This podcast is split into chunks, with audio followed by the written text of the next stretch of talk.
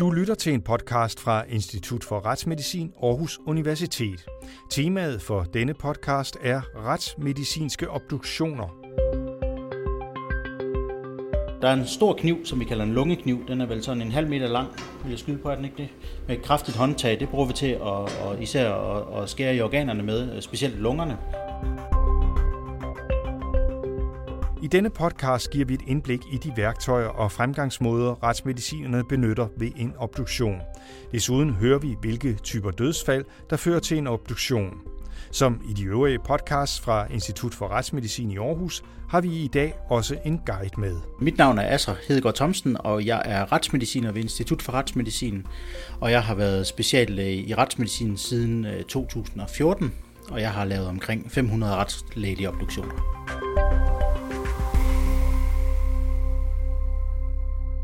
De fleste kender de retsmedicinske obduktionsstuer fra krimiserierne, hvor ofre med skudhuller eller knivstik i kroppen bliver bragt ind til undersøgelse. Den type sager håndterer retsmedicinerne i Aarhus også.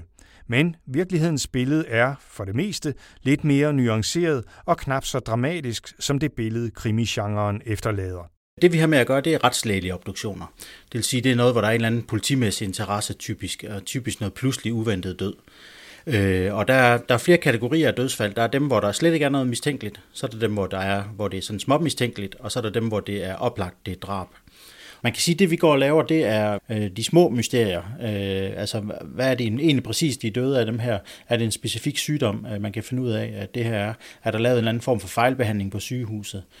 Øh, og det er jo ikke noget, almindelig befolkning hører om. De hører kun om de sager, vi har, hvor der sådan er medieinteresse i det, hvor politiet melder noget ud. Men vi har jo rigtig mange små dagligdags mysterier. Og hvad kan du, kan du prøve at beskrive, hvad kunne sådan et dagligdags mysterium øh, bestå af? Jamen det kunne for eksempel være en person, der ikke har haft nogen forudgående sygdomme, øh, som så bliver fundet øh, død øh, derhjemme på badeværelsesgulvet. Øh, måske med en, et lille hul i panden, øh, som jo så enten er fra, at de er blevet slået ned, eller fra, at de har slået imod noget, eller er faldet i forbindelse med dødsfaldet. Øh, og der går det så ud på at prøve at, at finde ud af, hvad er det, de er døde af. Det kunne i det her tilfælde måske være en, en hjerneblødning. Øh, så skal man finde ud af, at den hjerneblødning, er det en, der er kommet spontant, altså ved noget sygdom, øh, eller er det en, der skyldes øh, et traume, altså en eller anden form for vold. Og der, der, der kigger vi så efter, øh, der ved vi, hvilke typer blødninger, der kommer ved hvad, og det, det er noget af det, vi kigger efter. Og så kan folk jo komme af dage på mange forskellige måder, hvor de, hvor de kan komme til at ligne, øh, at det er et, et drab, eller man måske øh, kunne mistænke det. Og der er det rigtig godt at få udelukket sådan de mest gængse måder at slå hinanden ihjel på. Altså få set, der er ikke blevet skudt, der er ikke blevet stukket, der er ikke blevet øh, banket, trampet eller slået med køller øh, på folk. Inden den afdøde ankommer til Institut for Retsmedicin, har politiet givet retsmedicinerne de oplysninger, de har samlet om dødsfaldet. Det er typisk en anmeldelsesrapport, hvor man får lidt at vide om, hvem er det, der har fundet dem, under hvilke forhold er det, er der specielle ting der. Så er det afhøringer af, af venner og familie og, og vidner og øh, øh, praktiserende læger, som har sådan et indtryk af, hvad er det egentlig? Er det en person, der har gået og misbrugt nogle stoffer? Er det nogen, der har talt om at tage en overdosis? Er der fundet afskedsbrev? Øh, alle sådan nogle ting er vigtige at have med, når man skal vurdere dødsfaldet samlet. Asser Hedegaard Thomsen viser vej ind i en af obduktionsstuerne eller sektionsstuerne, som retsmedicinerne kalder lokalerne i kælderen under instituttet. Det er jo et, øh, et rum, det ligner egentlig en operationsstue, hvis man sådan skulle kunne forestille sig det. Der er klinker på væggene, der er noget specielt skridsikkert øh, gulv, og så er der et stort metalbord midt i rummet, øh, som ligner en meget hård seng, øh, hvor de afdøde øh, så øh, kommer til at ligge på. Øh, fuldt påklædt ligger de så her. Så er der over i den, øh, i den anden ende af rummet, øh, der er der øh, nogle andre stålbord, øh, hvor man så kan stå og undersøge øh, organerne øh, fra den afdøde. Inden den afdøde placeres på stålbordet, er den pågældende blevet CT-scannet. Næste skridt i proceduren er den udvendige undersøgelse. Altså når den afdøde kommer herind på sektionsstuen, så er det den retsmedicinske tekniker, som er en af de mænd, øh, der hjælper os hernede i kælderen. Øh, han vil øh, sørge for, at den afdøde kommer over og ligge på det her stålbord. Øh, og der vil jeg så, når jeg øh, øh, er klar til det, komme ned og så gå i gang med obduktionen. Er det en mistænkelig dødsfald eller et decideret drab, så vil der være nogle politifolk med, der står for at tage billeder. Men ellers er det mig, øh, der tager billederne hernede. Så vil jeg gå rundt om den afdøde, som ligger her, og beskrive ind i en øh, diktafon, øh, hvad tøj de har på, øh, hvordan det tøj ser ud, om der er skader på det, og så vil jeg lige så stille begynde at klæde af og, øh, og begynde at beskrive de yderligere lag tøj, der er, og hvis der er noget i lommerne og andet. Og så er det skal gå i gang med selve den udvendige undersøgelse af den afdøde, øh, hvor vi kigger efter blå mærker og forskellige andre ting. Der er nogle tegn på kvælning. Øhm, det kan være, hvis folk er kørt galt øhm, på motorcykel eller noget, så kan der være nogle hudafskrabninger, der skal beskrives lidt ekstra detaljeret, fordi det kan sige noget om, øh, hvordan skaderne egentlig er sket. Og øh, er det et øh, mistænkeligt dødsfald eller et drab, så vil man, inden øh, man har fået, øh, fået øh, livet øh, vasket af, der vil man gå i gang med at lave noget sporsikring, det vil sige tørre nogle vatpinde af på den afdøde, øh, som så kan blive sammenlignet med øh, DNA fra øh, den sigtede. Og så kan man i visse andre tilfælde også samle andre ting op. Hvis folk har været indblandet i en brand for eksempel, så kan det være, at man kan finde noget, øh, noget tegn på, at der har været helt benzin på eller andet. Når den udvendige undersøgelse er færdig, og alle fundene er registreret og fotograferet, træder den retsmedicinske tekniker til. Det er nu hans opgave at åbne kroppen og tage organerne ud. Øh, og det foregår jo med, at man bruger en, øh, sådan en øh, skalpel. Det er en engangs øh, en, øh, man kan bruge, så den, øh, den bliver smidt ud bagefter. Meget skarpt blad, og så har den sådan et, et kraftigt håndtag, der er godt at holde på. Og der åbner den retsmedicinske tekniker så den afdøde og, og skal så skære specielle steder for at kunne få organerne ud, som så bliver taget over på et andet bord, hvor jeg så kigger dem igennem. Mens det foregår, der, der står jeg og kigger på det og ser, øh, den retsmedicinske tekniker fortæller mig, at hvis der for eksempel er blod i en lungehule, øh, så er det rart for mig at vide det også at se det, inden, at der bliver, inden organerne bliver fjernet, så man lige er helt med på, hvor er tingene henne. Det er specielt i forbindelse med knivstik, det kan være vigtigt at, at få de ting dokumenteret, og jeg lige har set det. Er det en, der er stukket med kniv, så skal, vil jeg øh, stå og, og være med til det undervejs, og vi prøver at se, hvilke organer er ramt fra hvilke øh, lesioner. Det er lidt afhængigt af sagen, vil jeg sige. Hvordan skærer man et, et lige op egentlig? Jamen det er et snit, øh, altså man ligger i huden, øh, som går op fra øh, toppen af brystet og så ned til øh, øh, øh bunden af, af maven, så neden for navlen.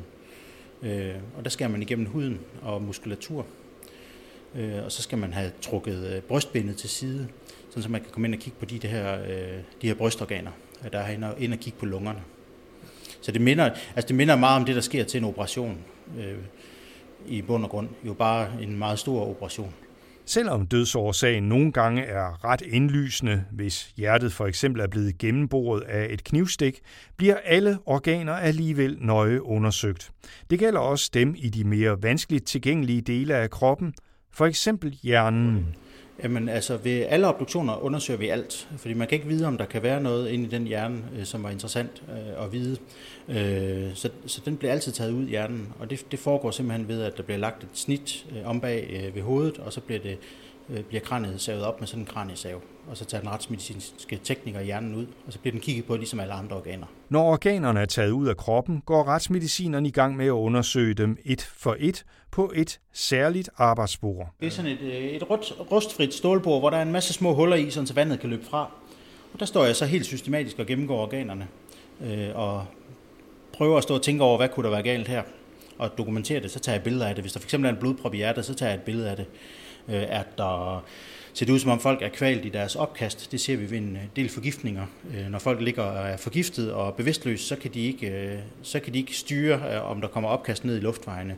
Og det er vigtigt at dokumentere det. Hvis nu luftrøret og, og luftrørsforgreningerne er fyldt med maveindhold, så kan det være noget, der kan have medvirket til, at døden er indtrådt ved de her forgiftninger. Og herover på sådan et, et grønt spækbræt, der ligger der en, en række instrumenter, så nydeligt lagt til rette til den næste obduktion. Kan du prøve at beskrive, hvad det er for nogle instrumenter, der ligger her? Ja, det er jo forskellige øh, værktøjer. Der er forskellige sakse og pincetter og knive og linealer. Øh, og der er meget mere, end jeg bruger her. Øh, jeg bruger, der er en stor kniv, som vi kalder en lungekniv. Den er vel sådan en halv meter lang, vil jeg skyde på, er den ikke det? Med et kraftigt håndtag. Det bruger vi til at, og især at, at skære i organerne med, øh, specielt lungerne. Den bruger jeg altid. Så bruger jeg altid min lineal. Så er der en kraftig saks, den bruger jeg også altid, og en kraftig pincet. Det er en af de hovedredskaber, jeg bruger. Inden den endelige obduktionsrapport skrives færdig, bliver resultaterne drøftet med en anden retsmediciner. Når man er helt færdig, så kalder man på en lidt mere voksen læge end en selv, der så kommer og kigger med på, øh, hvad er, hvad er det, vi har fundet. Alle organforandringer, alle skader på kroppen, øh, og så diskuterer vi, jeg kommer med mit bud på, hvad jeg mener, de er døde af, og så diskuterer vi, om det nu også er, er rimeligt at sige, sige det. Hvis nu I er uenige, eller, eller ikke helt enige om, om et eller andet, øh, I, I ser, er det så den med mest erfaring, der bestemmer, eller hvordan foregår det? Det er meget sjældent, vi er meget uenige, og når vi er det, så tager vi en længere diskussion om det. Så venter vi med at sige noget til politiet omkring, hvad, hvad vi egentlig mener. Og det er jo klart, noget af det er jo øh, vurderinger af øh, små detaljer, og der kan man baseret på sin erfaring være, være enig enige eller uenige omkring tingene. Det vil sige, der hjælper det rigtig meget at slå op i nogle bøger, og hvis man kan komme og vise noget, der har været skrevet i nogle bøger, så er det et argument, der vejer stærkt. Men det er sjældent, det sker? Ja, sådan, sådan som du lige lægger op til, at man er decideret uenig, og man må finde sig i noget, det, det, det kan jeg faktisk næsten ikke mindes, at det sker. Når alle organer er undersøgt, bliver de lagt tilbage i den afdødes krop. Det, der sker med den afdøde, det er, at øh, organerne kommer tilbage i den afdøde, og så bliver den afdøde syet sammen og vasket øh, og gjort klar til at blive udleveret til de pårørende via en bedemand. Og nogle gange bliver de lagt i kister her i huset, eller også er det ude på kapeller rundt omkring, man gør det. En obduktion foregår altid i en respektfuld og professionel atmosfære. Jamen altså, der er jo sådan generelle bestemmelser om, at det skal foregå sømmeligt, altså man skal opføre sig ordentligt, og, og, og det er jo rigtig, rigtig vigtigt. Det er jo nogens pårørende, der ligger her, og det er et andet menneske, som så bare ikke lige lever mere, så man skal opføre sig ordentligt. Men når du siger opføre sig ordentligt, hvad, hvad, hvad ligger der i det? Jeg vil sige, det kommer helt fuldstændig af sig selv, når man er hernede, at, at, at man går i en eller anden form for mode med tingene. Øh, jeg er utrolig fokuseret på mit arbejde, så jeg har faktisk ikke øh, tid øh, til tand og fjæs, øh, og jeg gør heller ikke tand og fjæs hernede, fordi det er jo, vi er jo i gang med noget meget, meget alvorligt. Det giver helt sig selv, lidt ligesom når man har med patienter at gøre, der opfører man sig også ordentligt, eller når man har med andre mennesker at gøre, altså det er jo på samme måde. En ukompliceret obduktion, hvor der ikke er noget umiddelbart mistænkeligt på spil, var normalt en time til halvanden. I komplicerede drabsager med mange lesioner var obduktionen op til fem timer eller længere. Altså den obduktion, øh, jeg selv har været med til, øh, der har taget længst tid, der, der startede vi ved, ved halv tiden øh, om formiddagen, øh, så vidt jeg husker, og så var vi færdige ved, ved 10-11 tiden om aftenen, så med, med flere pauser undervejs, øh, hvor vi dels tænkte os om, og også fik noget at spise og noget at drikke. Og hvorfor tog det så lang tid? Jamen det var en øh, meget kompliceret sag med øh, øh, mulig helt ukendt øh, gerningsmand øh, og med utrolig mange lesioner og skader, der skulle øh, forholde sig til. Og så er det nok også spillet ind, at det var ikke... Øh, øh, jeg var ikke den mest erfarne, da jeg havde den, så det tager også længere tid. Jeg er blevet væsentligt hurtigere til at lave de her obduktioner. Så det er sådan et håndværk at forestå sådan en obduktion?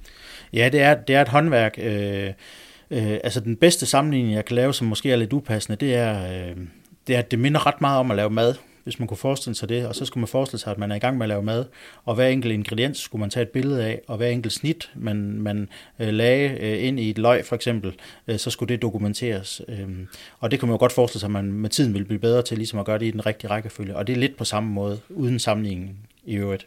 Knap 350 afdøde personer bliver hvert år obduceret på Institut for Retsmedicin i Aarhus. Bag alle dødsfaldene ligger en personlig tragedie, som involverer pårørende. Altså når der bliver begæret en obduktion, så skal politiet have tilladelse fra de pårørende, og de pårørende kan godt sige, at de ikke ønsker, at de bliver obduceret, så det kan de godt sige nej til.